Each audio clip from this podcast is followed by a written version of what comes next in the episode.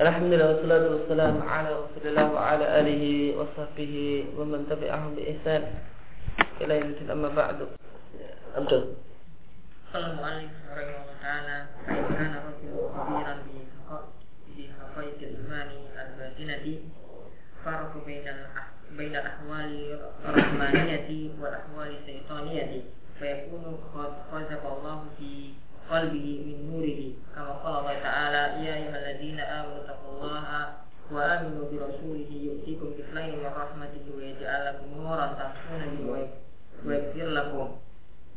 وقال تعالى وكذلك أوحينا إليك روحا من أمرنا ما كنت تدري ما الكتاب ولا الإيمان ولكن جعلناه نورا نهدي به من نشاء من عبادنا وإنك لتهدي إلى صراط مستقيم. هذا من المؤمنين الذين جاء فيهم الحديث الذي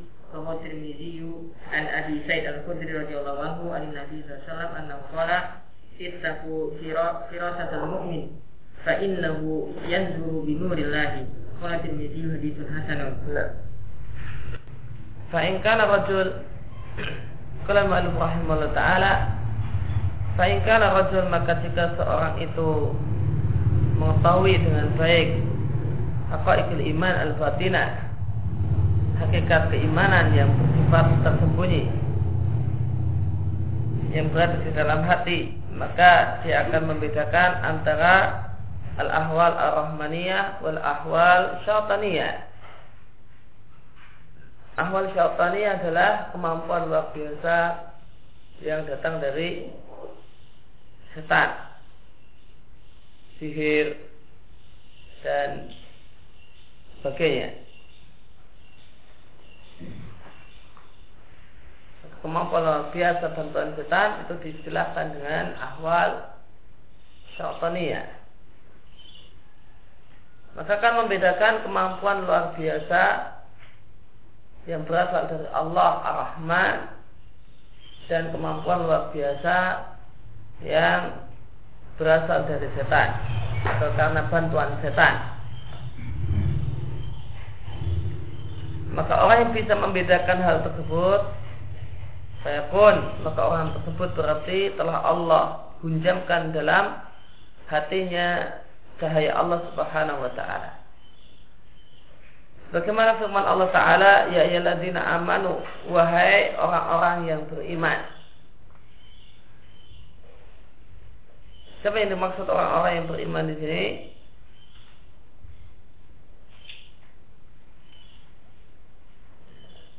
Menurut penafsiran Ibn Abbas, orang beriman di sini adalah ya, mukmin ahli kitab.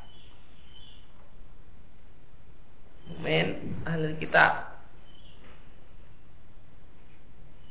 Ittaqullah wa aminu bi rasulih. Hendaklah kalian bertakwa pada Allah dan beriman dengan Rasulnya.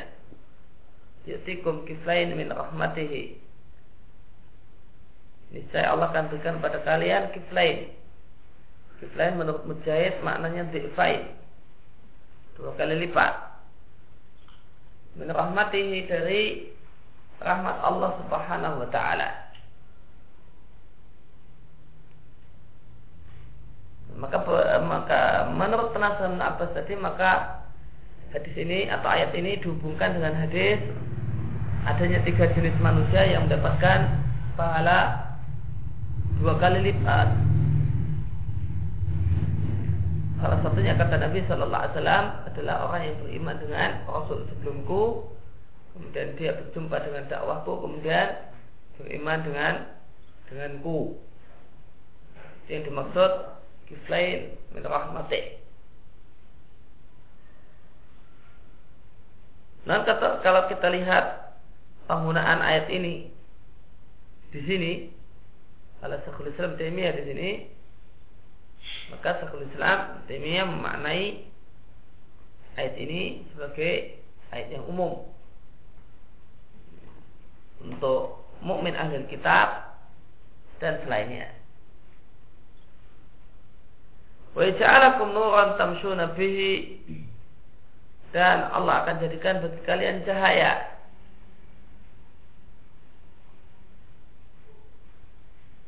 Apa yang dimaksud dengan cahaya di sini? Ada yang menjelaskan yang di sini yang dimaksud adalah Al-Quran.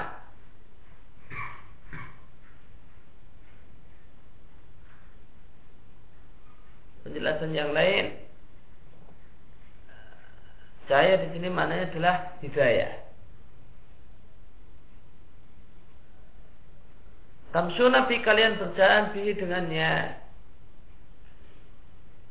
Kata Mujahid, niat di sini maknanya adalah huda. Maka berarti menurut Mujahid Nuran karena bihi ini kembali kepada nur maka yang dimaksud nur adalah al-huda. Petunjuk. Wa ja'alakum nuran dan Allah akan berikan pada kalian cahaya yaitu petunjuk.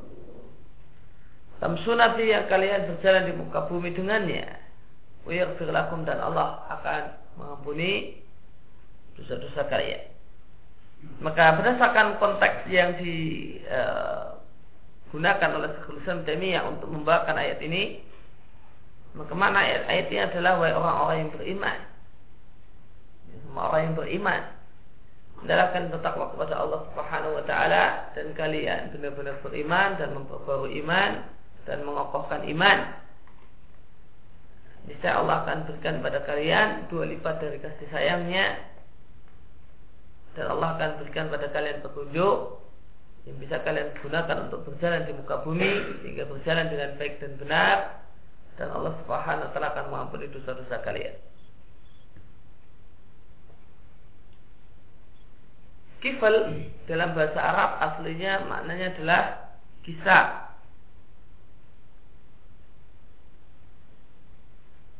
Adalah kain yang diikat pada punggung onta yang berfungsi untuk menjaga dan mencegah orang yang menaikinya jangan sampai terjatuh.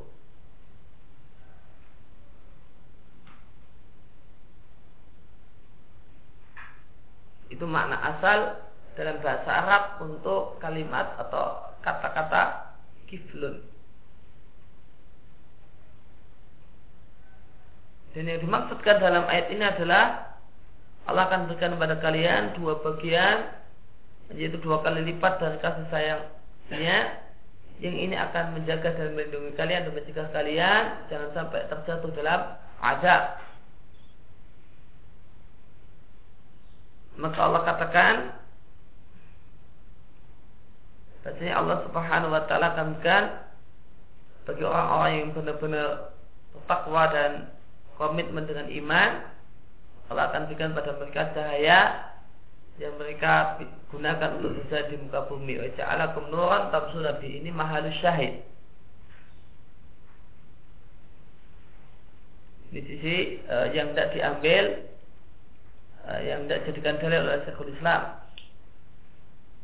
Karena siapa yang telah benar-benar mengetahui iman sehingga bisa membedakan antara kemampuan luar biasa yang datang dari Allah dengan yang datang dari setan maka itulah orang yang mendapatkan hidayah. Sehingga dia tidak tertipu di muka bumi. Dikira dukun, dikira wali. Maka itulah orang yang Allah berikan padanya cahayanya dan Allah berfirman di surat As-Surah ayat yang ke-52 wa kadzalika wahayna ilaika. Demikianlah kami wahyukan kepadamu Ruhan min amrina. Roh dari perkara kami. Makun tak mal kitab walal iman. Yang kau tidaklah mengetahui Sebelumnya Kau tidaklah mengetahui Alkitab Tidak pula mengetahui iman. Walakin ja'alnahu nura.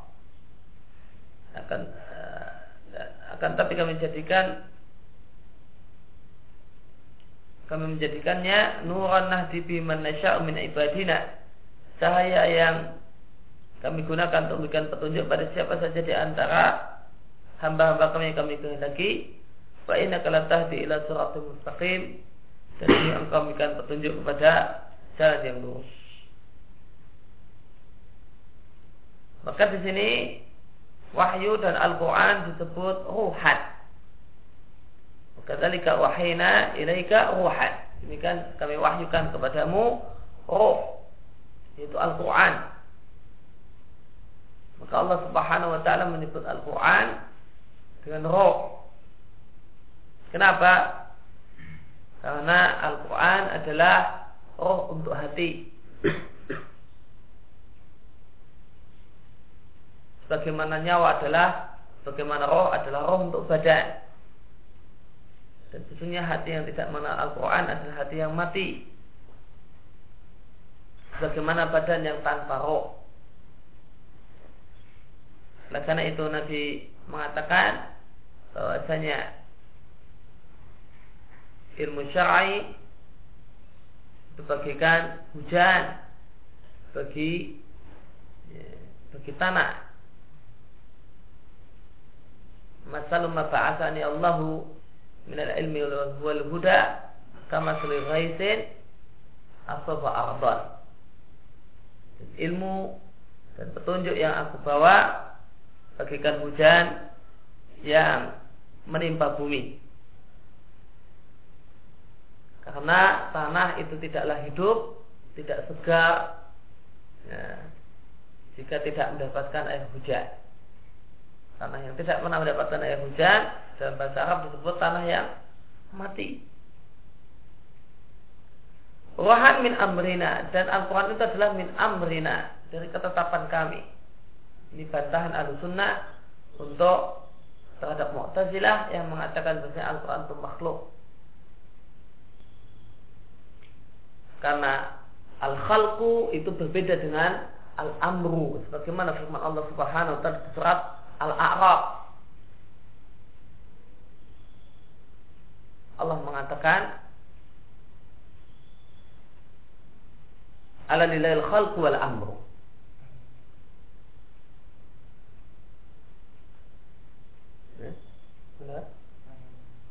Ala lahul khalqu wal amru. Ingatlah bahasanya milik Allah al-khalqu dan al-amr. Alalahul khalqu wal. Milik Allah adalah masalah penciptaan dan masalah pengaturan. Ini adalah milik Allah Subhanahu wa taala. Maka ada al-khalqu, ada penciptaan, dan ada al-amru. Nah, Al-Quran itu termasuk apa? Al-khalqu atau al-amru? Maka berdasarkan surat surah ayat 52 kita katakan Allah menjelaskan bahwasanya Al-Quran itu bukan termasuk al-khalqu namun termasuk al-amru. Dan al-khalqu itu berbeda dengan al-amru dan al-amru berbeda dengan al-khalqu karena Allah membedakannya. Ala lawal khalqu wal amru dan wawu menunjukkan dua hal yang berbeda. Maka jika kita hubungkan surat As-Surah ayat 52 dengan surat Al-A'raf, maka jadilah ayat ini dalil Al-Quran adalah kalamullah dan bukan makhluk. Dan bantahan untuk Mu'tazilah yang mengatakan Al-Quran adalah makhluk. Karena Allah mengatakan bahwasanya Al-Quran itu Al-Amru bukan Al-Khalqu adalah bagian dari al-amru dan Allah mengatakan di surat al-a'raf bahasanya al-khalqu penciptaan dan makhluk itu beda dengan al-amru. Makun tata mal kita yang dimaksud dengan kitab Al-Quran maka engkau dulu tidak mengetahui Al-Quran Nabi Shallallahu Alaihi Wasallam tidak tahu Al-Quran sebelum turunnya wahyu Walal iman demikian juga engkau tidak mengetahui iman. Apa yang dimaksud Nabi Shallallahu Alaihi Wasallam tidak mengetahui iman sebelum turunnya wahyu? Kata Ibnu Jauzi di tafsirnya Zadul Masir ada tiga pendapat ulama tentang yang dimaksud uh, Bahasanya Nabi Shallallahu Alaihi Wasallam tidak mengenal iman atau belum mengetahui iman sebelum datangnya wahyu. Yang pertama yang dimaksud dengan iman ada ahli tafsir yang menjelaskan yang dimaksud dengan iman adalah ada waktu ilal iman. Ada waktu ilal iman.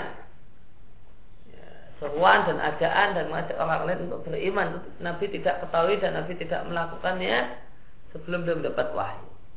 Kemudian pendapat yang kedua Nabi Shallallahu Alaihi Wasallam tidak mengerti iman ketika beliau masih bayi dan ketika masih kanak-kanak sebelum balik. Artinya tidak beriman dan tidak mengerti iman.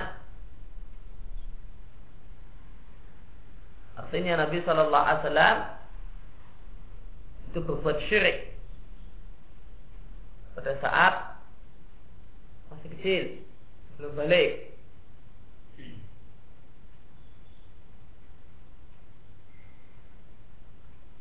Namun menafsirkan ayat ini dengan penafsiran ini diingkari keras oleh Imam Ahmad.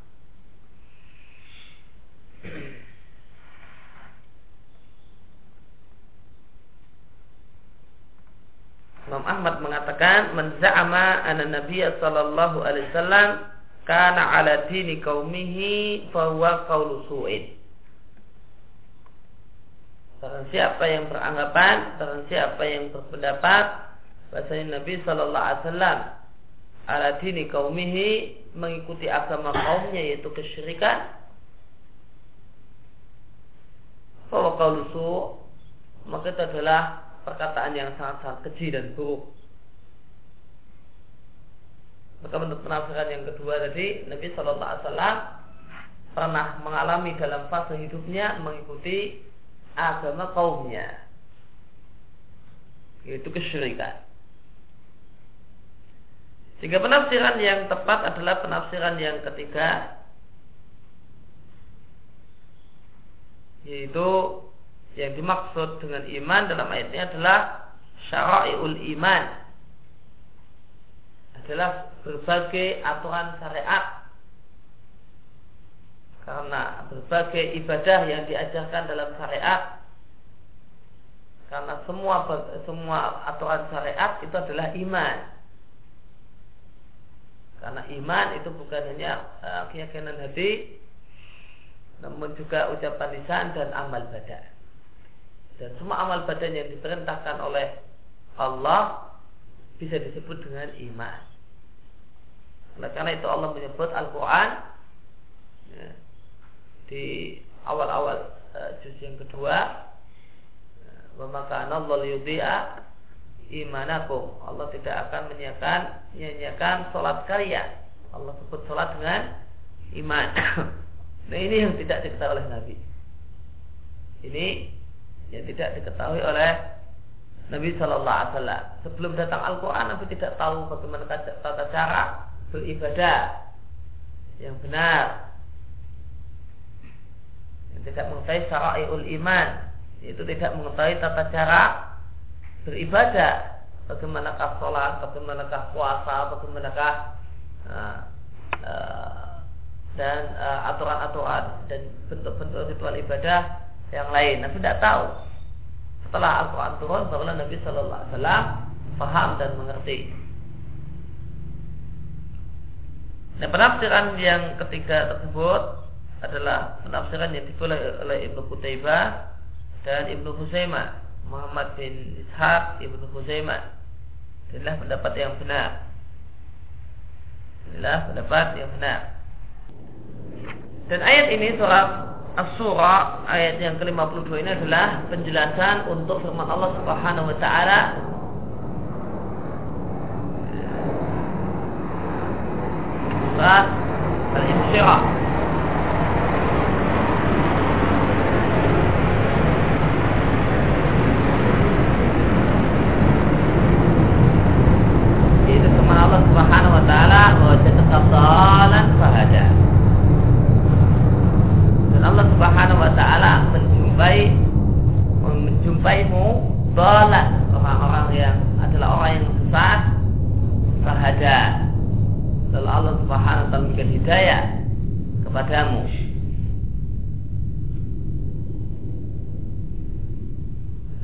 Surat Al-Insyirah dimaksudkan dengan Allah menjumpai Nabi Sallallahu Alaihi Wasallam itu dalan? Maksudnya adalah makun tadri mal kitab walil iman. Penafsiran yang paling tepat ya, untuk wajah dan fahada adalah yang dimaksudkan adalah apa yang Allah firmankan surat As-Surah 52 ini makunta tadri mal kitabu walal iman. Tidak sebagaimana penafsiran uh, sebagian tafsir yang lain yang mengatakan bahwa jatuh dan fahada adalah menciptakan masa ketika Nabi kanak-kanak. Uh, Nabi itu pernah sesat di jalan-jalan di kota Mekah. Kemudian ketemu.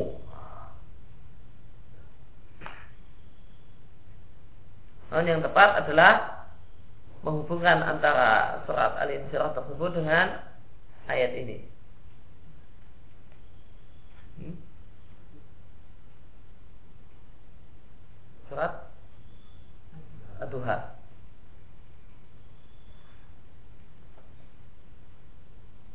Ini surat Ad-Duha itu kita hubungkan dengan As-Surah 52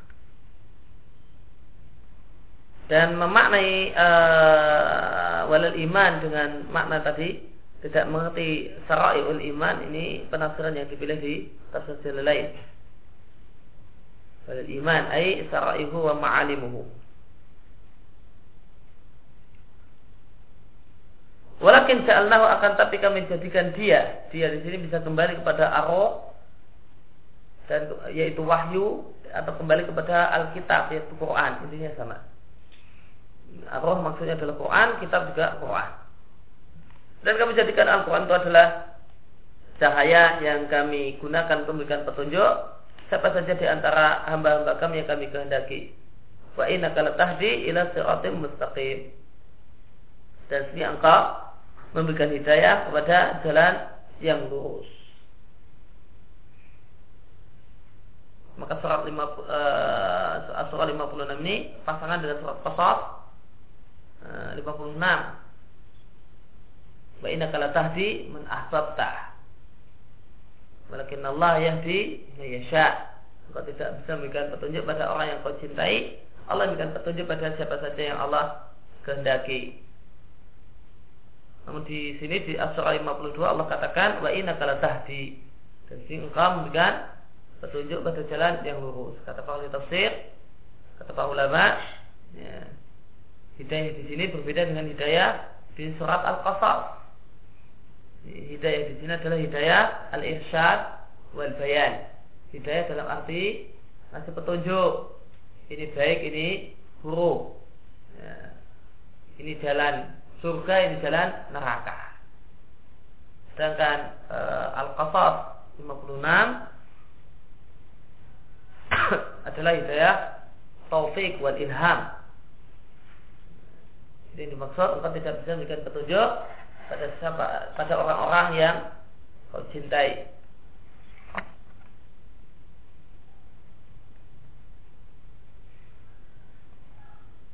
Maka Al-Quran kata Allah Allah subhanahu wa ta'ala menjadikan Al-Quran sebagai cahaya uh, Yang Allah jadikan sebagai sebab Untuk memberikan petunjuk pada siapa saja Di antara hamba-hamba Allah yang Allah kehendaki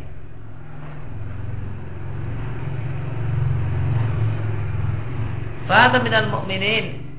Maka orang tersebut adalah termasuk orang-orang yang beriman Yang ja'afihim Berkaitan dengan mereka terdapat hadis yang diatkan oleh Tirmidzi di Abu Sa'id Al-Khudri radhiyallahu anhu uh, dari Nabi sallallahu alaihi wasallam. Nabi mengatakan ittaqu firasatal mu'minin. Adalah kalian hati-hati dengan firasat orang yang beriman Fa'ina yang dulu binurillahi Karena sesungguhnya orang yang beriman itu memandang dengan cahaya Allah.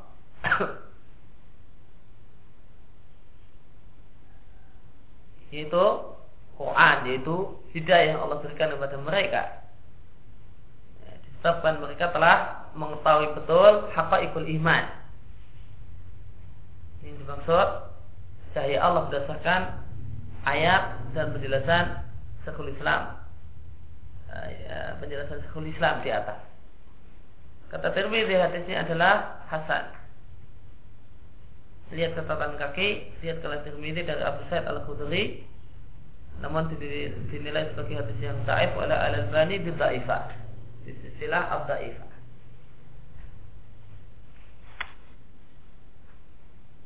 namun adanya firasat mukmin itu hak adalah satu hal yang benar.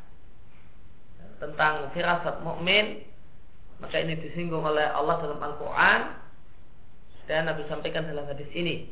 Namun hadisnya diperselisihkan. Tirmidzi mengatakan hasan namun Al-Albani mengatakan baik.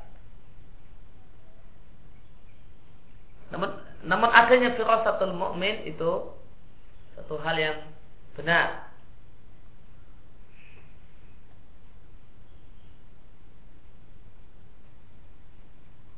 Dan Allah Subhanahu wa taala juga telah menyinggungnya dalam Al-Qur'an. Allah mengatakan inna fi dzalika la ayatil lil mutawassimin. Sehingga dalam hal tersebut terdapat tanda lil mutawassimin bagi orang-orang yang bisa mengenali tanda. Kata alif tafsir al-mutawassimin artinya adalah firasah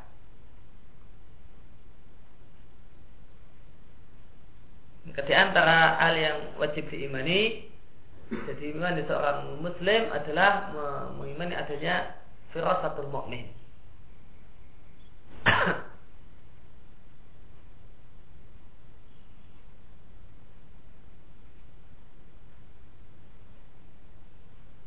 tentang firasat pembahasan yang agak lewat agak luas ya, atau lumayan luas ada di kitab Arohnya Ibnu Qayyim.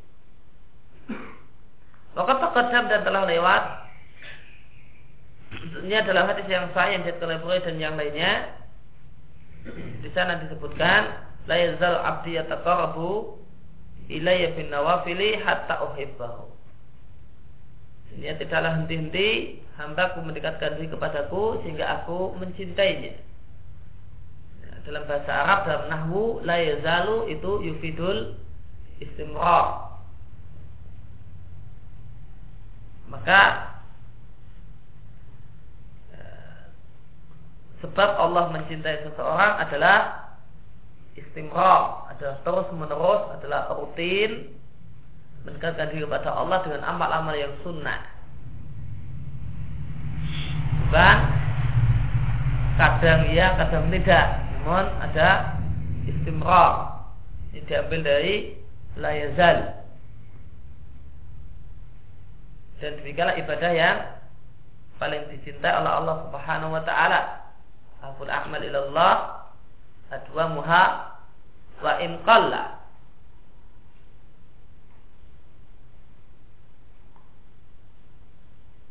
Maka amal yang paling Allah cintai, yang paling dicintai oleh Allah Subhanahu wa taala adalah yang yang terus menerus meskipun sedikit. Maka jika aku mencintainya, maka aku memberikan taufik untuk pendengarannya. Sehingga dia mendengar ya, hanya hanya mendengar hal-hal yang aku ridai dan aku memberikan taufik untuk pandangannya sehingga dia hanya melihat hal yang aku cintai. Dan aku memberikan taufik untuk tangannya sehingga dia hanya gunakan tangan tersebut untuk hal-hal yang Allah cintai. Dan aku beri taufik untuk kakinya yang dia gunakan untuk berjalan hanya menuju tempat-tempat yang Allah ridai. Maka orang tersebut mendengar, e, melihat dan menggunakan tangannya serta berjalan sesuai dengan petunjuk Allah Subhanahu wa taala. Dan sungguh jika dia sa'alani la'u'tiyannahu. Ya, jika dia meminta kepadaku, niscaya aku akan berikan apa yang dia minta. Kalimat ini bantahan untuk sufia yang uh, sebagian dari sufia itu uh, menolak untuk berdoa, uh, menolak dan mengingkari doa, nggak perlu doa. Allah sudah tahu apa isi hati manusia dan apa kebutuhan manusia. Wali nggak perlu doa. Wali tidak perlu doa padahal di sini membahas tentang masalah wali. dan uh, Allah katakan lain sa'alan la Jika dia minta dia berdoa kepadaku, saya akan aku beri. Maka wali itu berdoa. Maka wali itu berdoa kepada Allah Subhanahu wa taala. Nah, dan manusia yang paling mulia adalah Rasul Muhammad sallallahu alaihi wasallam dan dan beliau berdoa kepada Allah Subhanahu wa taala. Seandainya doa itu tidak manfaat, bagaimana perkataan Ba'du Sufiyah, bahasanya doa itu tidak ada manfaatnya, nah, maka berarti konsekuensinya berarti menuduh Nabi Shallallahu Alaihi Wasallam melakukan hal yang tidak manfaat dan memerintahkan umatnya berdoa berarti memerintahkan umatnya untuk melakukan hal yang tidak manfaat. Tentu ini satu hal yang tidak mungkin kita katakan. Bahkan doa itu adalah manfaat meskipun tidak terkabul karena doa itu adalah ibadah. Maka orang yang berdoa meskipun tidak dikabulkan doanya, maka dia melakukan sebuah ibadah. Wa dista'adzani la u'adzannahu. Dan dia minta perlindungan pada aku, saya akan aku lindungi. Wa mata'udatu an syai'in ana fa'iluhu dan aku tidak pernah ragu-ragu berkaitan dengan sesuatu yang akan aku lakukan sebagaimana ragu-raguku antab di nafsi abdi untuk mencabut nyawa hambaku yang beriman. Ya kau mauta wa atahu uh, musa'atahu uh, orang yang beriman tidak suka sakitnya kematian dan sebenarnya aku pun tidak ingin menyakitinya. Walaupun dalam minhu akan tapi itu sebuah keharusan. Mati itu sebuah keharusan.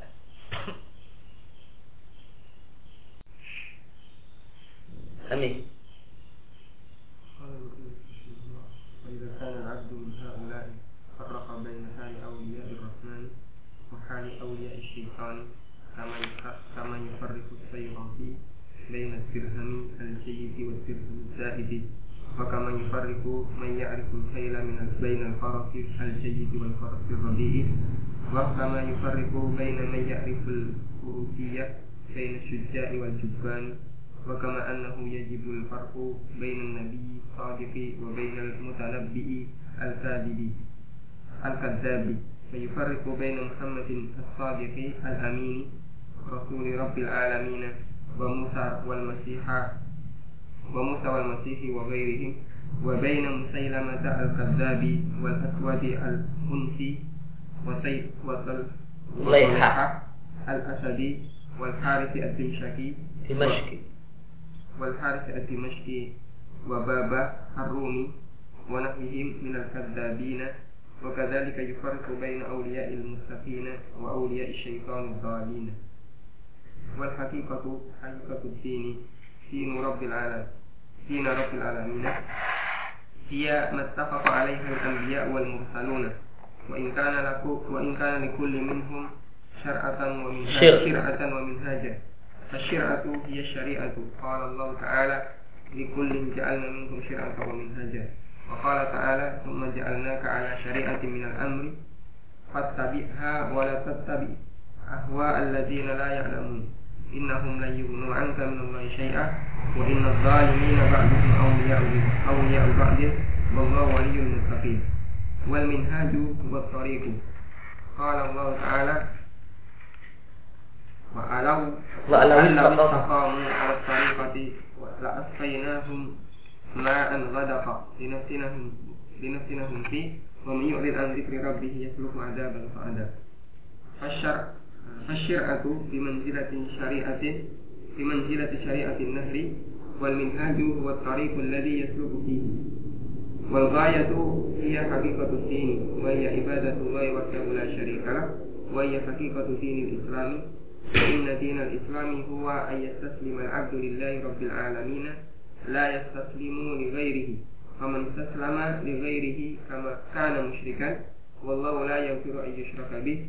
ومن لم يستسلم لله بل استكبر عن عبادته كان ممن قال الله فيه إن الذين يستكبرون عن عبادته سيدخلون جهنم داخلين نعم.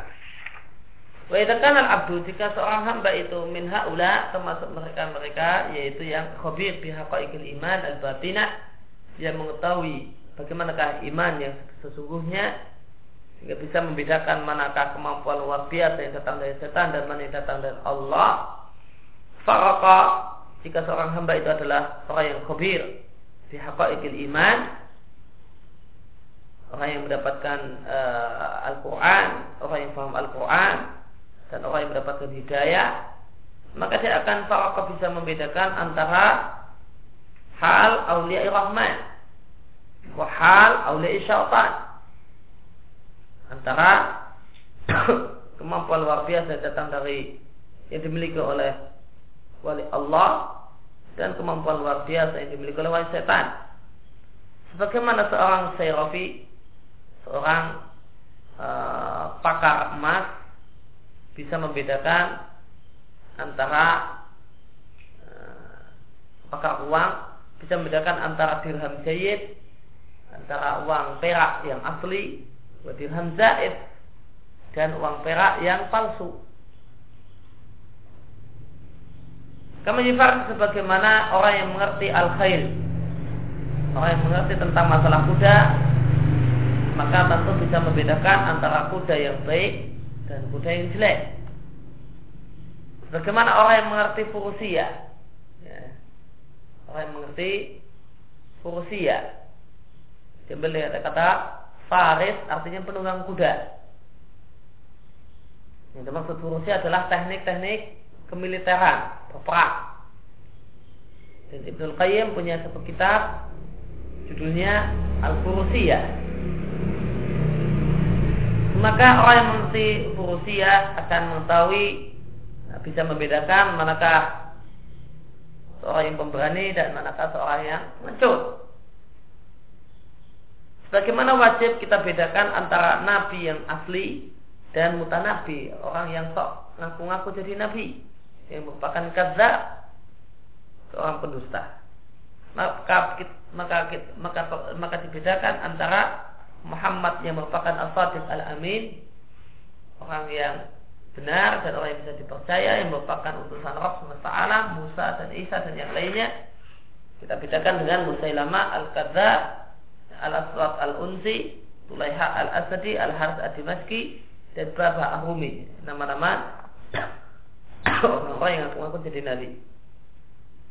Dan semacam mereka minal kadzabin yaitu para tukang pendusta yaitu orang-orang yang ngaku jadi nabi. Demikian telah dibedakan antara wali Allah yaitu orang-orang bertakwa dan wali-wali setan yaitu orang-orang yang sesat.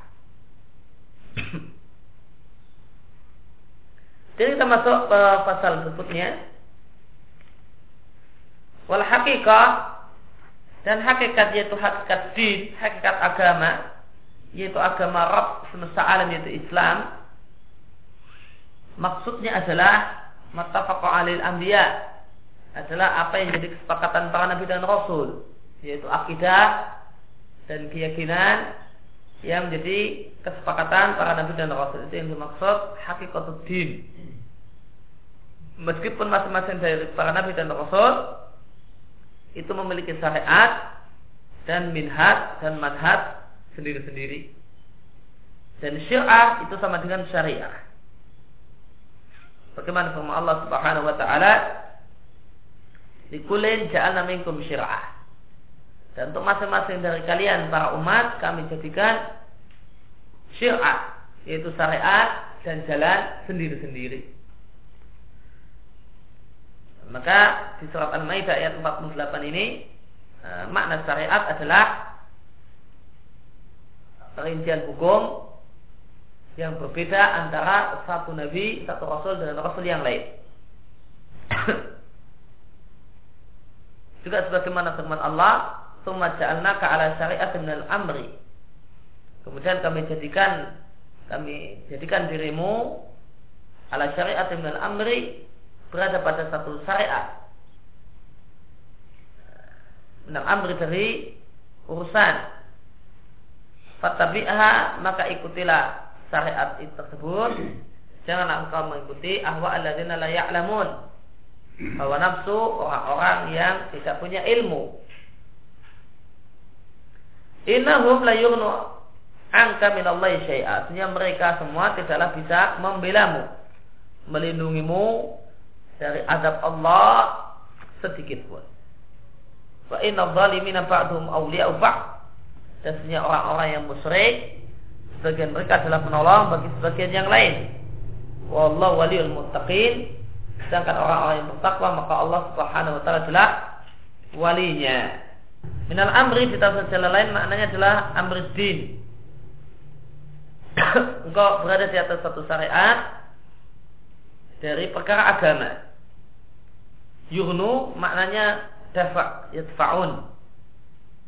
Angka minallahi syai'an tafsirnya min azabih. Bagaimana tadi saya terjemahkan. Zalimin maknanya kafirin. Wal minhad dan yang dimaksud minhad adalah tariq. Bagaimana firman Allah Subhanahu wa taala wa wa allaw istaqamu ala tariqati.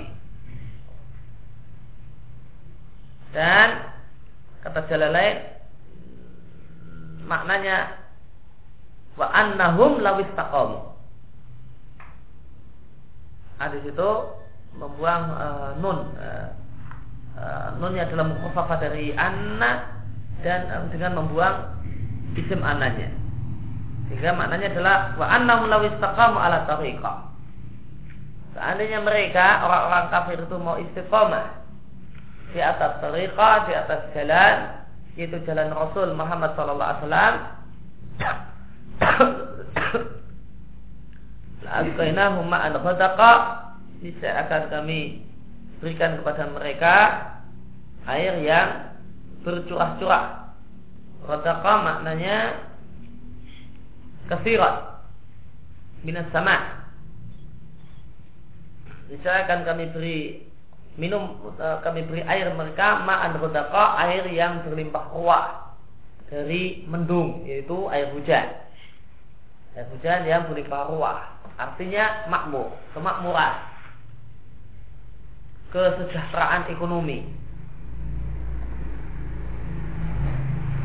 Maka ini dalil bahasanya istiqomah di atas din, komitmen dengan aturan-aturan Islam itu adalah sebab datangnya keberkahan, keberkahan ekonomi.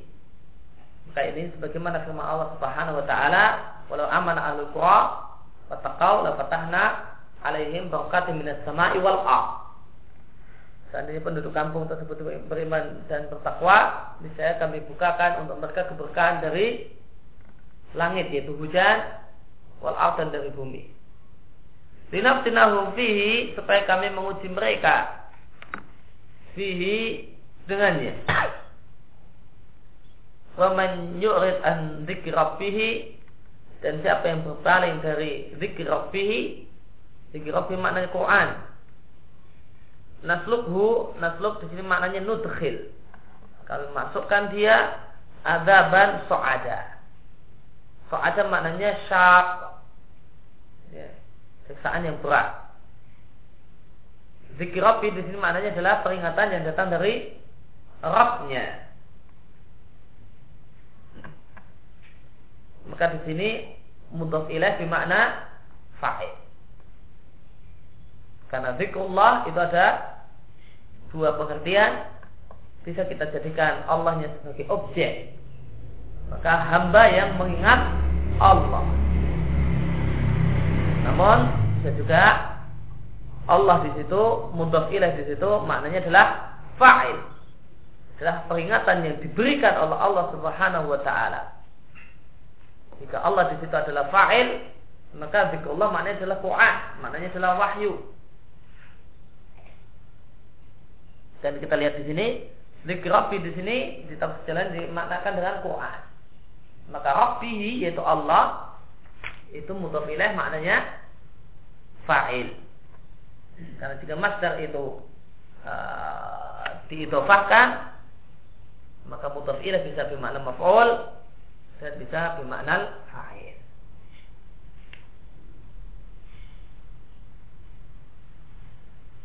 Kalau bermakna maf'ul maka artinya fa'ilnya adalah hamba.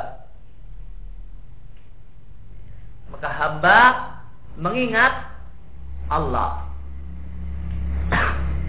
Tapi jika mudafilah maknanya fa'il artinya Allah memberikan peringatan kepada hamba. Fasyir'ah bimanzilati syariatin nahar. Maka syir'ah itu bimanzilati syariah syariatun nahar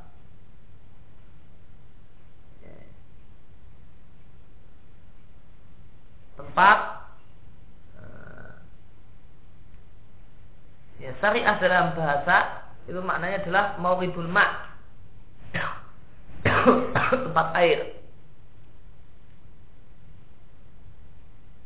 Yang orang mengambil air tersebut tanpa perlu ember. Tanpa perlu tali orang ambil air dengan mudah sungai airnya banyak. Ya, airnya tinggal sampai ke pinggiran uh, pinggiran apa? Pinggiran sungai maka orang tinggal ambil air. Nggak perlu tali. Maka uh, maka syariat itu bimanzilat syariatin nahar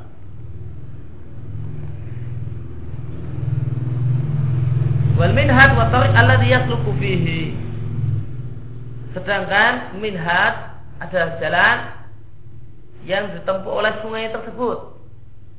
Nah, sungai ini punya jalur aliran sungai, daerah aliran sungai. Nah, jalannya sungai inilah al-midhad. Adapun keberadaan air itu, adapun air itu atau keberadaan air itu, nah itulah syirah. Dan dijelaskan oleh Ibn Abbas ketika menjelaskan ayat ini, ayat uh, Al-Maidah, bahasanya minhat itu artinya sunnah. Maknanya adalah sunnah.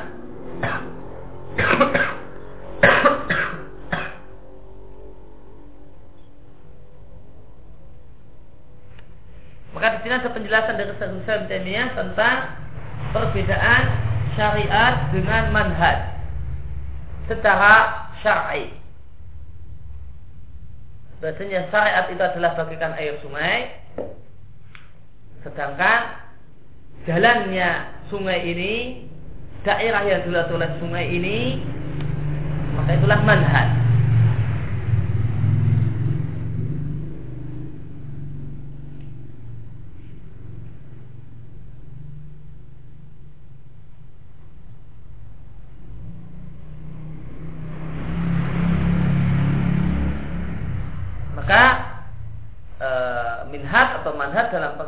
dan penjelasan Syekhul Islam Taimiyah di sini adalah uh, luas yaitu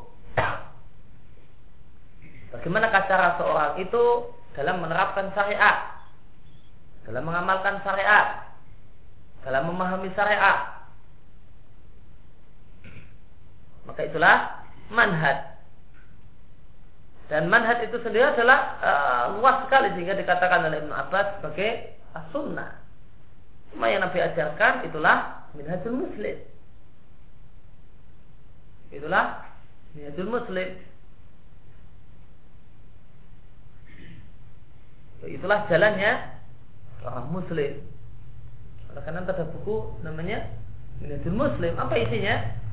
Bagaimana kata orang muslim berakidah, bagaimana kata orang muslim aturan uh, aturan Nabi Shallallahu Alaihi Wasallam dalam berakidah, bagaimana kata orang muslim beradab, bagaimana kata orang muslim berakhlak, bagaimana kata orang muslim berkaitan dengan masalah ahkam fiqhiyah amaliyah. Maka kesatuan ini semua itulah minhajul muslim. Nah, manhaj yang ditempuh dan e, dititi oleh seorang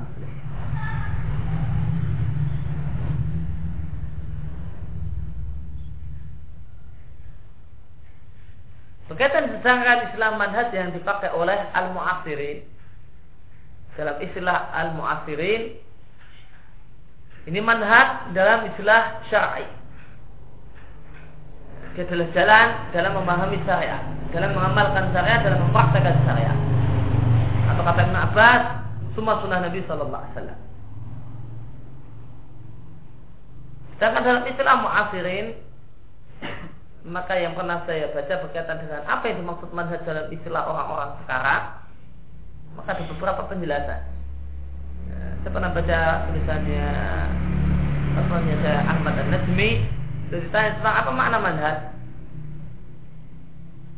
Kata beliau manhaj maknanya adalah manhajul bidakwah. Metodologi dakwah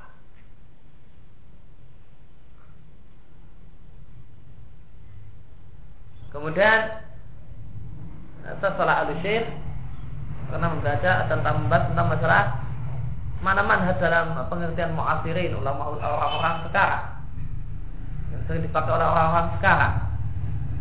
Saya katakan manhaj artinya adalah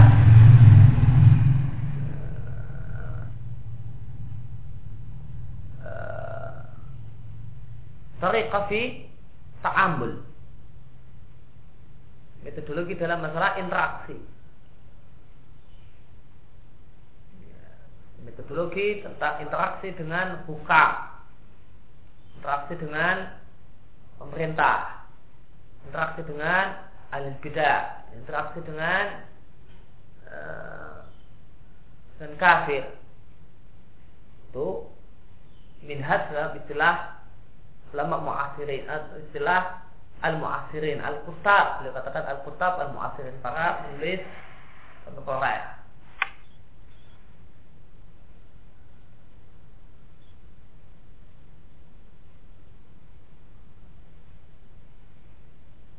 Sedangkan Syaikh Fauzan di uh, uh, di bukunya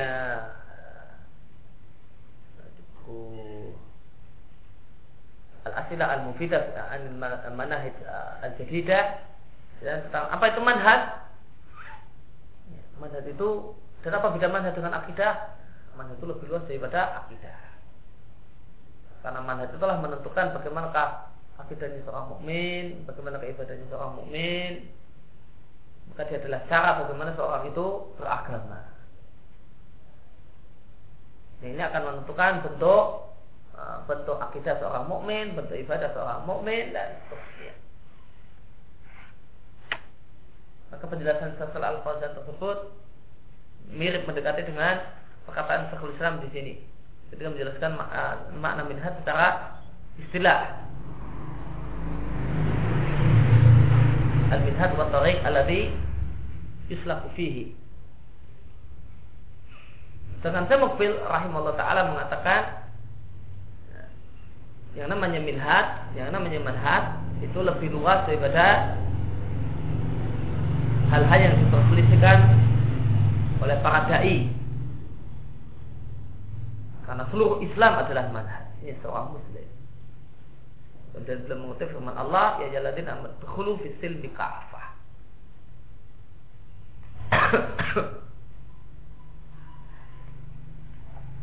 masalah dalam Islam secara keseluruhan. Maka semua Islam itulah jalannya seorang muslim. Itulah manhajnya seorang muslim.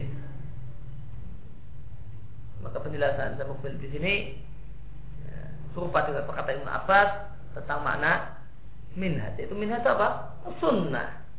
Semua yang Nabi ajarkan itulah minhajul muslim. Semua yang Nabi semua yang Nabi ajarkan itulah manhajul muslim.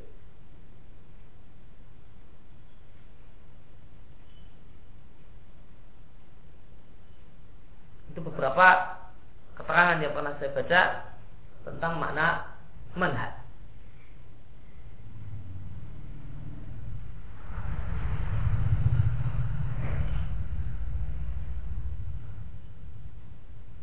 Yang jelas maknanya secara syar'i adalah Islam itu secara keseluruhan.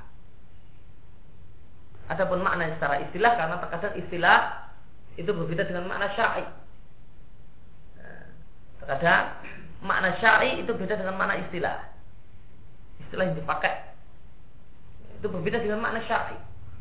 Terkadang makna syar'i sama dengan makna istilah. Terkadang makna istilah ya, berbeda dengan makna syar'i. Semacam al-hukmu ahkam syariah itu dalam istilah usuliyin maknanya berbeda dengan makna syar'i. Yang namanya ahkam syariah, hukum syariat itu mencakup akidah, mencakup uh, ama, uh, ahkam amaliyah. Namun kalau ahkam syariah dalam definisi usul fikih adalah uh, kitabullah ya ta'alaq bi af'alil ibad, af'alil mukallafin. Cuma membicarakan tentang masalah perbuatan hamba tidak bicara tentang masalah akidah. Kita bicara tentang masalah akidah. Karena ini adalah akam syariah berkaitan dengan masalah fikih. Padahal secara syar'i, akam syariah hukum syar'i itu ada yang berkaitan dengan masalah akidah, ada yang berkaitan dengan masalah perbuatan. Namun dalam istilah usuliyin, akam syariah itu cuma yang berkaitan dengan af'alul ibad, af'alul mukallafin, perbuatan orang. Maka di sini akam syariah uh, makna syar'i itu berbeda dengan makna istilah. Kalau kulihal manhaj maknanya secara uh, secara syar'i adalah sunnah. Semua ajaran Nabi Sallallahu Alaihi Wasallam itu minhajul mu'min.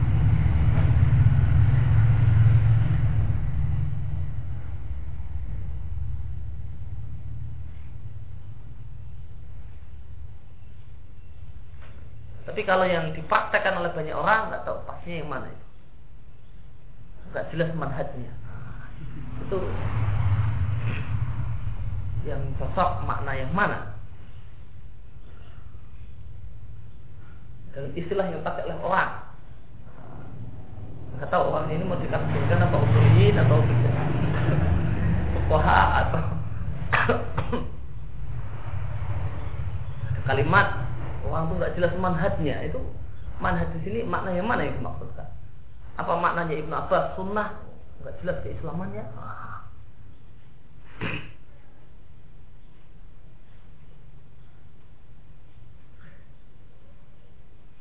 Mana yang paling tepat?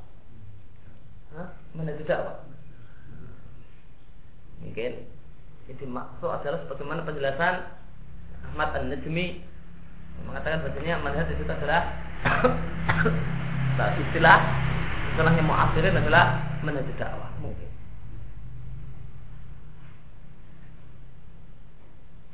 Atau mungkin juga bagaimana kata saya soleh lalu syekh yaitu manhaj kita amul tidak jelas manhajnya itu maksudnya tidak jelas ya karena manhajnya kita amul mal ahli bidah. Mungkin maksudnya itu. Tapi tak amul itu sebenarnya luas kata setelah al syekh ta'amul ini mencakup ta'amul ma'al hukam, ta'amul ma'al ahli bidah, ta'amul ma'al kufar.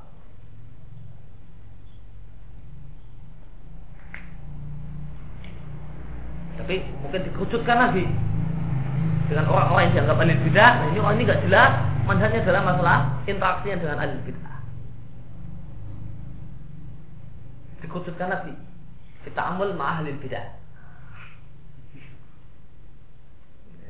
Tidak jelas manhajnya dalam masalah bersikap terhadap ahli bid'ah.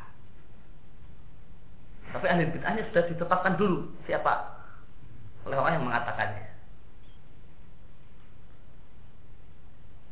Ya mungkin makna istilah yang dipakai oleh orang tentang uh, minhaj atau manhaj ya, mungkin sebagaimana penjelasan saya al syekh tapi ini juga dikerucutkan kalau saya soal syekh manhaj itu adalah tariqah fi ta'amul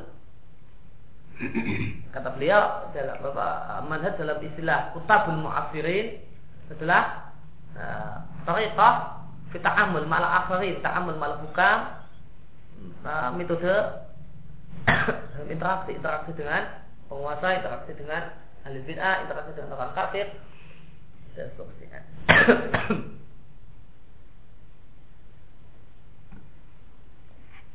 maka seandainya maka maka kita bisa kita katakan maka manhaj secara istilah di sini berbeda dengan manhaj secara syar'i. Makna istilah beda dengan makna syar'i.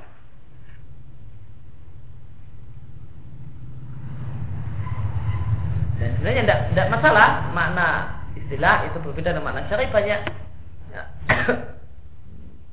banyak contoh makna istilah itu berbeda dengan makna syar'i. Contohnya waliullah waliullah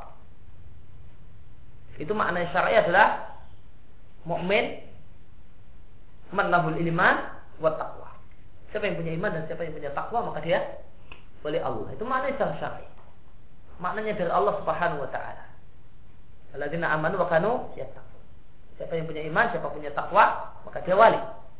Tapi makna istilah yang ma'ruf ingdal ingdal ulama atau kasir min ulama yang namanya wali adalah orang yang bertakwa yang bukan nabi.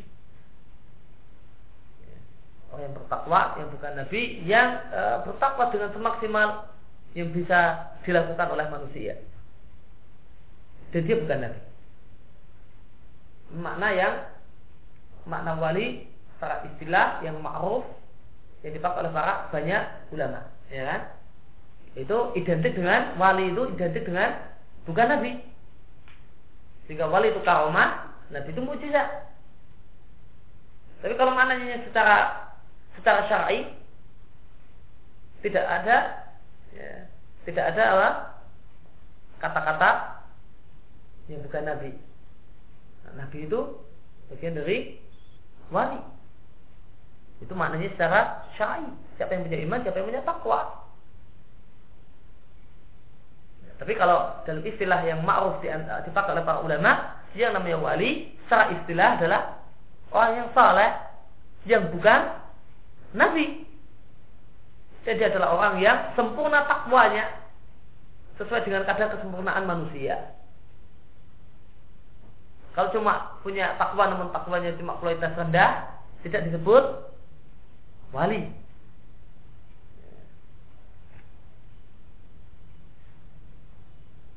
Ini makna istilah yang dipakai oleh banyak ulama. Saya katakan ini dipakai oleh banyak ulama karena Syekhul Islam Taimiyah nggak memakai istilah ini. Syekhul Islam Taimiyah di sini ini tetap mempertahankan makna syar'i. Ya, wali itu ya semua semua orang penyiman punya takwa maka Nabi adalah wali dan itu.